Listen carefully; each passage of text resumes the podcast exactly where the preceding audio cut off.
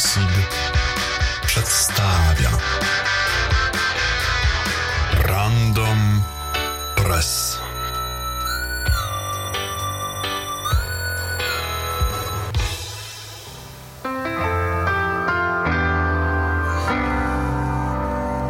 Lepiej truchło zjadać w lesie, niż nie być na SCS-ie.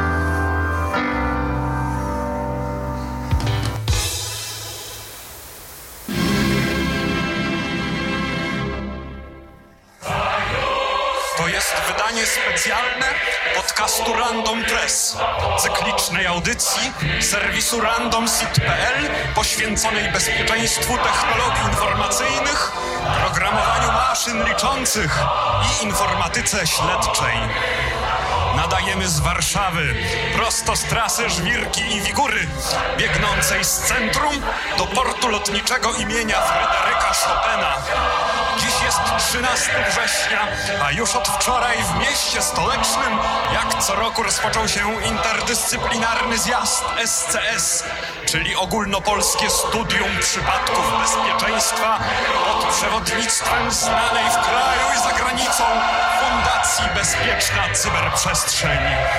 Gromko zgromadzeni delegaci z powiatowych kół pentesterskich Mazowsza, a także przedstawiciele dyrekcji Komitetów Cyberbezpieczeństwa lokalnych szczebli pozostałych regionów debatują w specjalnie na tę okazję przygotowanych pawilonach dyskusyjnych. Pojawiają się plany zwiększenia dostaw narzędzi bezpieczeństwa przez wprowadzenie do branżowego grafiku trzeciej zmiany. Nie wszystkim fachowcom to się jednak uśmiecha, ale muszą zrozumieć głos społeczeństwa, które nawet w zagranicznym serwisie ukośnik z kropką wyraża niezadowolenie. Drożeją bowiem nie tylko węgiel, stal i bitcoin, ale też usługi oraz narzędzia zapewniające bezpieczeństwo.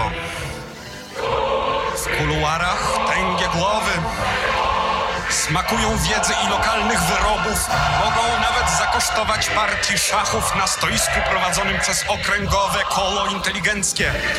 Stali klienci mogą liczyć na obsługę poza kolejnością i, jak zwykle, dobry, rzemieślniczy pentest. Społeczność kolejkowa, która spontanicznie wytworzyła się wokół punktu, świadczy o zwiększającym się popycie na tego typu usługi. Potwierdza to nasze analizy, z których wynika, że na głowę jednego obywatela przypada średnio tylko jedna dwudziesta penetracyjnego testu. Spekulacje, zwodnicze ceny i ograniczone moce przerobowe to nie jedyne dyskutowane problemy. Obecni na spotkaniach funkcjonariusze RODO z chęcią dopomogą we wszelkich bolączkach i nieścisłościach związanych z przestrzeganiem norm przetwarzania danych. Nie obce są im nawet takie wyjątkowe sytuacje, jak wymiana personaliów na wędliny serwowane z podlany.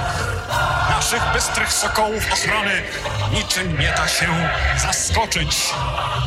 Poza majstrami kryptografii i inżynierami penetrującymi w zjeździe biorą również udział łowcy owadów, którzy zapowiadają zdecydowaną walkę z imperialistycznymi szkodnikami. Są to zawodnicy w różnym wieku, a w finale CTF zawalczą o krajowy puchar wręczany przez obecnych na miejscu jubilatów zwycięzców pierwszych edycji dowiezionych autokarami PKS z dalekiego Radomia, Kołobrzegu i Zawiercia.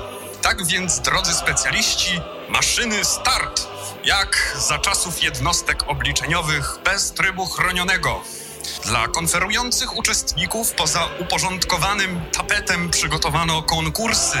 Przedstawiciele spółdzielni kółek antywirusowych przy wsparciu organów centralnych i Związku Montażystów API zorganizowali wiele atrakcji. Wygrać można nie tylko narzędzia pracy, ale również ekonomiczne środki transportu. Wystarczy tylko zbierać talony.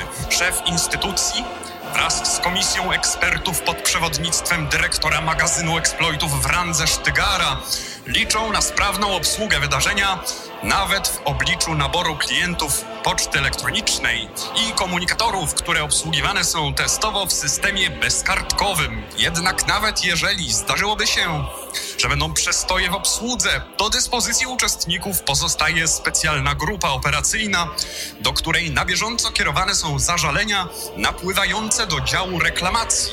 Wystarczy jedynie wypełnić kwestionariusz.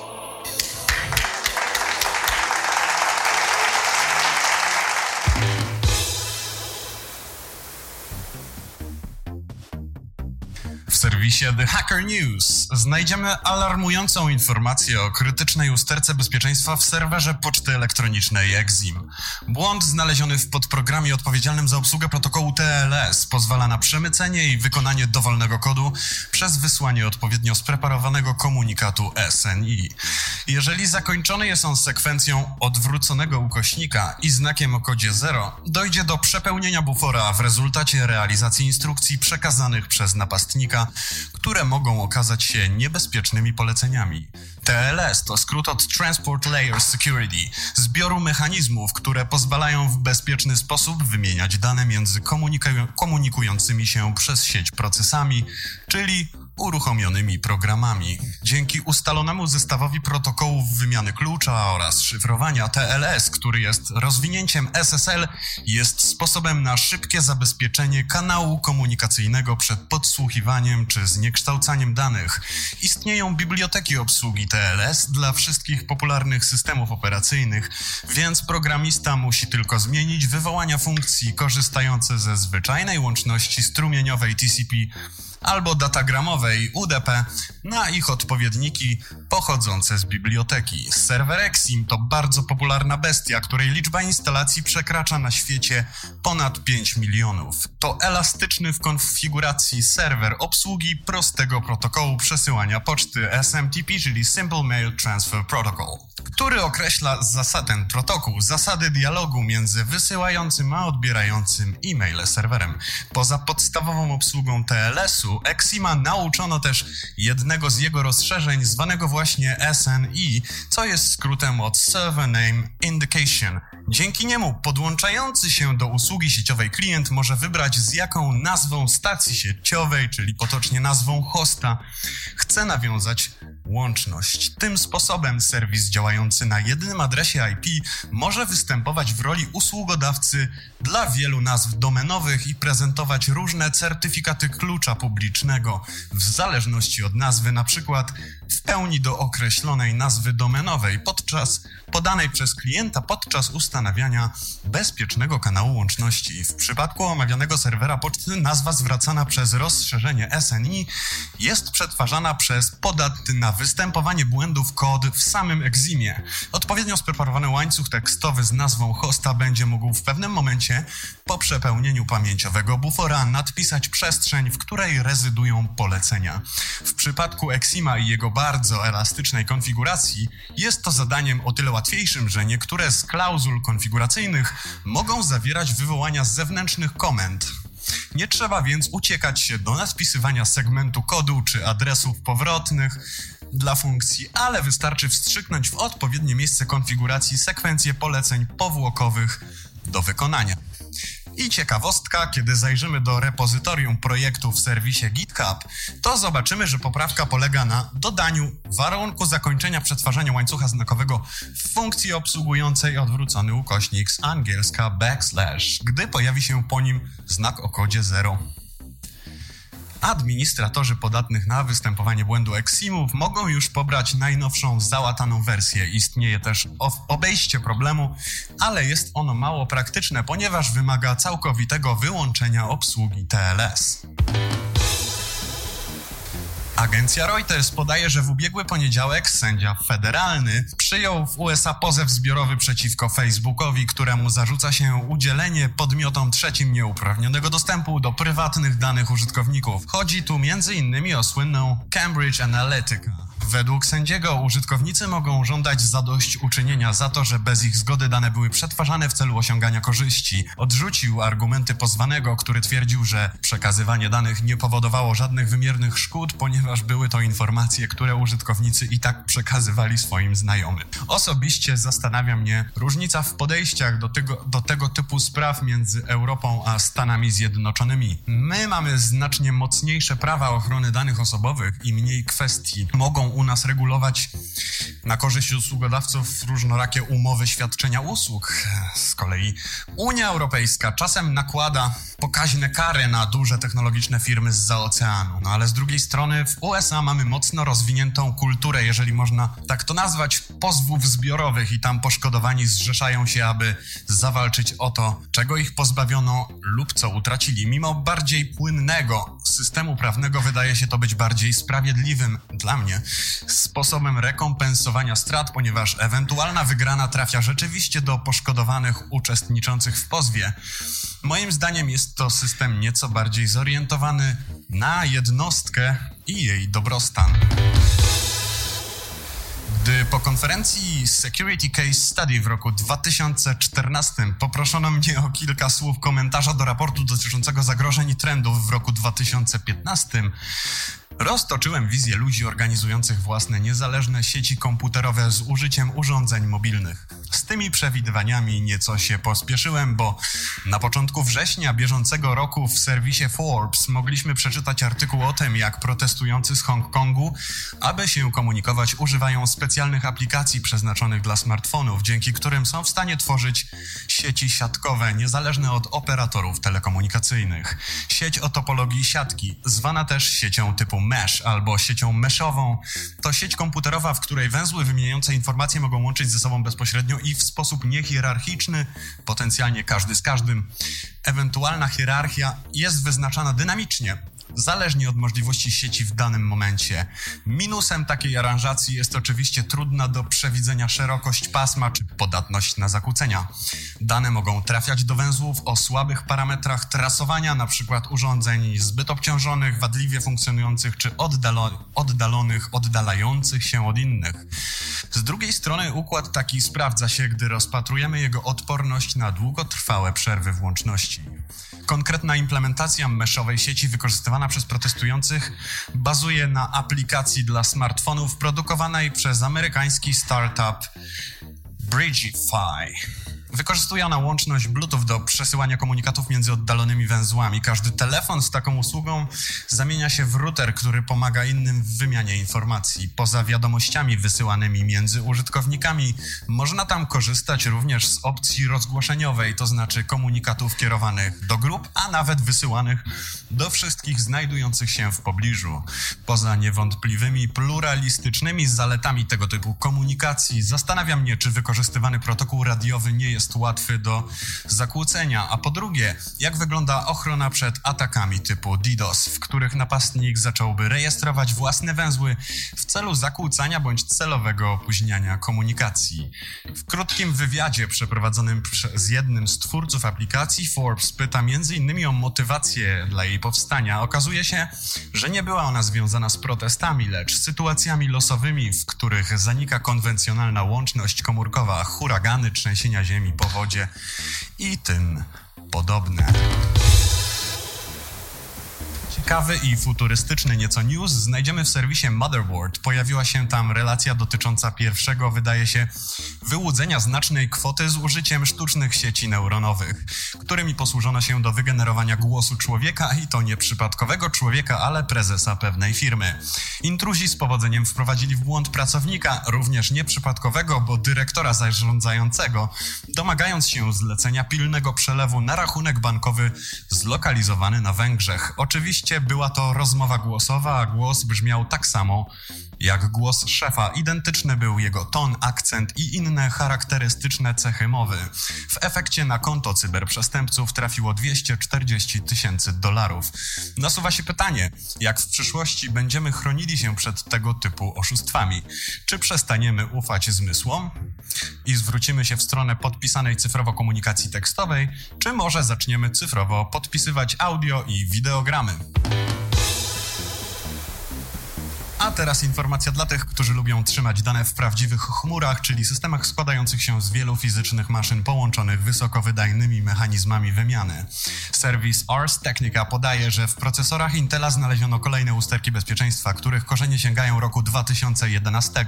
Wtedy właśnie producent wprowadził do jednostek obliczeniowej, obliczeniowych technologię DDIO, skrót od Data Direct I.O czyli takie DMA na sterydach. Dzięki niej urządzenia peryferyjne mogą bezpośrednio wymieniać dane z ostatnią pamięcią podręczną CPU. Dzięki pominięciu głównej pamięci procesora dochodzi do znacznego skrócenia czasu obsługi operacji i zmniejszenia wymagań dotyczących poboru mocy. Okazuje się jednak, że w pewnych warunkach potencjalny napastnik jest w stanie wykorzystać mechanizm DDIO, żeby poznać charakter strumieni danych wymienionych z urządzeniami. Mogą być nimi na przykład fragmenty komunikacji sieciowej, ale również również wciśnięcia klawiszy. W przypadku pojedynczych serwerów usług da się nad tym zapanować, stosując odpowiednią izolację i dbając o bezpieczeństwo samego systemu, ale problematyczne stają się systemy połączone w środowiskach chmurowych, gdzie administrator jest w stanie wykradać dane należące do innych maszyn, jeżeli tylko korzystają z RDMA, czyli bezpośredniego dostępu do pamięci między oso osobnymi maszynami. Odkrywcy usterki zademonstrowali skuteczność ataku posługując się oprogramowaniem, które odczytało, a w zasadzie odgadło frazę szyfrującą wprowadzaną w celu odbezpieczenia klucza SSH w systemie połączonych z ich stacją z użyciem właśnie RDMA. Warto zauważyć, że nie mamy tu do czynienia z konwencjonalnym podsłuchiwaniem komunikacji, lecz atakiem bazującym na pomiarze czasu przebywania danych w bardzo, bardzo, bardzo chwilowym buforze. Właśnie z powodu tej szybkości można stwierdzić, jakie wciśnięcia następowały po sobie, biorąc pod uwagę układ klawiszy i czasy ich wciskania, które są pochodną odległości. W tym konkretnym przypadku badacze skorzystali z techniki zwanej Prime Plus Probe. Najpierw wpłynęli na zawartość pamięci podręcznej, prowadząc odczyty z wcześniej przygotowanej przestrzeni pamięci operacyjnej, a następnie dokonywali pomiarów czasowych dla tej samej przestrzeni, gdy użytkownik drugiego komputera wpisywał hasło. Osoby odpowiedzialne za znalezienie podatności na zagrożenie zapowiedziały, że skupią się teraz na sprawdzaniu, czy taki boczno-kanałowy atak da się przeprowadzić bez dodatkowo wykorzystywania RDMA. No i nie byłbym sobą, gdybym nie wtrącił jakichś informacji o współczesnych dialektach języka Lisp. Oto w blogu wujka Boba znajdziemy wpis zachwalający język Clojure i wróżący mu świetlaną przyszłość i popularność podobną do tej, którą miał język C przed wieloma laty. Clojure to Lisp działający pod kontrolą JVM, a programistyczny ewangelista wujek Bob zaczyna swój felietonowy materiał od tego, że po 40 latach w końcu zdecydował się bardziej wsiąknąć w jeden z dialektów najelegantszego według Richarda Stallmana języka programowania i uznać go za ulubiony. Co go urzekło? Ano, oszczędna składnia wyrażeń i oszczędna ich gramatyka. W zasadzie jest to jedyna cecha, którą wprost nazywa i twierdzi przy tym, że to wystarczy. Gdy przyjrzymy się lispom, zauważymy, że ich kod wyrażany jest jednokierunkowymi listami, a na poziomie zapisu są to zbiory wyrażeń umieszczone w nawiasach. Autor Perla uważa, że lisp przypomina owsiankę z wmieszanymi paznokciami. Dzięki temu w lispach, a więc i w Clojure, możemy korzystać z precyzyjnych funkcji transformujących kod źródłowy, zanim zostanie on skompilowany i uruchomiony. Pomaga w tym cecha zwana homoikonicznością. Drzewo składniowe w pamięci ma taki sam układ jak kod źródłowy napisany przez programistę, a poza tym do jego wyrażania stosuje się struktury danych obsługiwane przez język. Ale lispy to nie tylko elastyczna składnia, lecz również elastyczne tworzenie warstw abstrakcji. Funkcje są jednostkami pierwszej kategorii, więc można je przekazywać jako argumenty i zwracać jako wyniki obliczeń prowadzonych przez inne funkcje. Poza tym w samym Clojure nacisk kładzie się na zwłoczne przetwarzanie sekwencji, czyli takich abstrakcyjnych kole kolekcji o następczym interfejsie dostępu, niezmienność danych, czyli operowanie na wartościach i obsługiwaną przez mechanizmy języka języka obsługę przetwarzania współbieżnego. Wygląda ona inaczej niż w językach, w których występują konwencjonalne zmienne, ponieważ programista nie musi zabezpieczać programu przed nim samym, a dokładniej przed sytuacjami zakleszczeń, wykonania czy wyścigów w dostępie do danych. Myślę, że wujek Bob nie polubiłby lispów 10, 20 czy 30 lat temu. Musiało się stać to dokładnie teraz, z uwagi na rozwój sprzętu i rozwój systemów. Lisp nie jest językiem oszczędnym, wymaga czasu CPU na garbage kolektora, kod bywa często wczytywany jako dane, a potem w locie kompilowany i wykonywany, zaś dialekty z niemutowalnymi danymi potrzebują więcej pamięci, nawet przy tak zwanym współdzieleniu strukturalnym. To tyle w dzisiejszym specjalnym odcinku, prosto z jednej ze scen konferencji Security Case Study. Ja bardzo dziękuję publiczności i organizatorom za możliwość wystąpienia w takich okolicznościach i wśród ludzi o takich umysłach. A, jeszcze to nie wszystko, bo kastodianami dzisiejszego odcinka byli Marcin M., Mirosław M. i Piotr Esz. Dziękuję bardzo.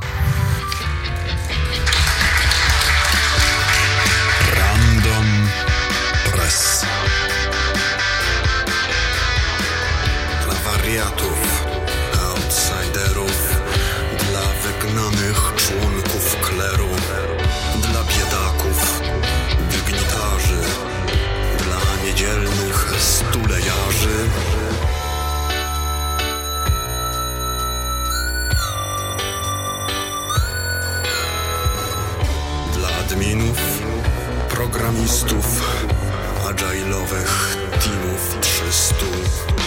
Dla DevOpsów, pentesterów, top-notchowych bug hunterów. Dla hakierek i hakierów, klożurystów i lisperów.